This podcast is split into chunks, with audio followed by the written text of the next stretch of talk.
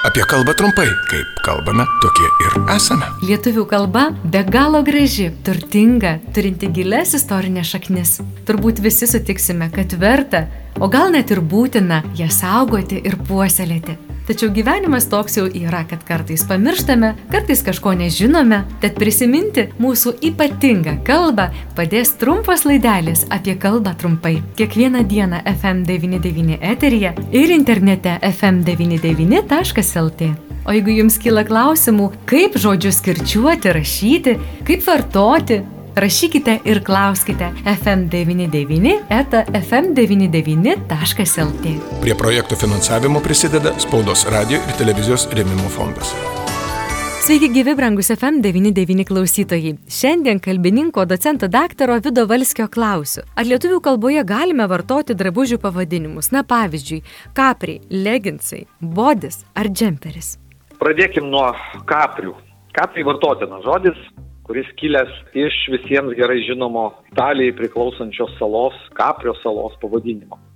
Kapriai aptemtos kelnės iki kelių paprastai suskeltukai šonuose. Žodis leginsai laikomas neteiktina svetimybė, jo vietoje turime sėkmingai vartosinoje prigyjusius ir jau gana įprastus žodžius - timpės arba tamprės. Timpės irgi galima vadinti. Taip, neteiktina e, svetimybė laikoma žodis bodis. Jo pakaitai glaustinė, glaustinukė. Aiškinamajame prangos terminų žodynė glaustinukė apibrėžiama kaip kūną apgulantis, dėvimas kaip viršutinis ar kaip apatinis drabužis. Na ir dar klausėt apie džemperį, taip? Taip, džemperis. Tai džemperis yra vartotinas anglų kalbos kilmės žodis, mėgstinis be pykaklės ar sąsagų užsivelkamas per galvą, į kurį tarsi šokam.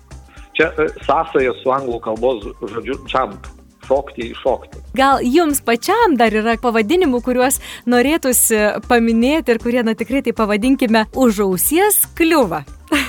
tai galima dar būtų paminėti kėdus. Tai pusbačiai ir batai tekstilinių viršumi ir guminiais padais mm, atsiradę Junktinėse Amerikos valstijose XIX amžiaus pabaigoje ir e, pirmiausia jie buvo dėvimi kaip vaikiški e, batai. Kitaip tariant, sėtina šitas žodis su anglišku žodžiu kit, vaikas. Kedai yra visiškai geras, tinkamas vartotinas kolinys. E, kitas drabužio pavadinimas - kardiganas. Taip, tai ypatingai dažnai. Mhm. Taip, taip, taip. Tai mėgstinis arba švarkas, užsakstomas per visą ilgį, be apykaklės, paprastai tiesus, su kišenėmis. Jį labai išpopuliarino garsi prancūzų modeliuotoja e, Chanel. O pavadinimas kilęs iš anglų grafo Jameso Brudenelio titulo, o titulas jo buvo kardigano grafas. Iš čia ir drabužio pavadinimas kardiganas. Kaip įdomu. Ir galima taip vadinti, ar ne, tą rūbą? Tikrai taip, taip. tikrai mhm. taip. Tas atvejis, kai iš tikrinio žodžio atsirado bendrinis pavadinimas. O kaip reikėtų sakyti, rūbai ar drabužiai? Tiek rūbai, tiek drabužiai, abu žodžiai yra vartotini. Hmm. Vieni, vieni sako, arba rašo rūbinė, kiti sako, arba, arba rašo drabužinė. Tai abu žodžiai yra vartotini. Ir rūbai, ir drabužiai, ir rūbinė, ir drabužinė. Taip. Už atsakymus dėkoju kalbininkui, docentui, daktarui Vidui Valskiui. Apie kalbą trumpai.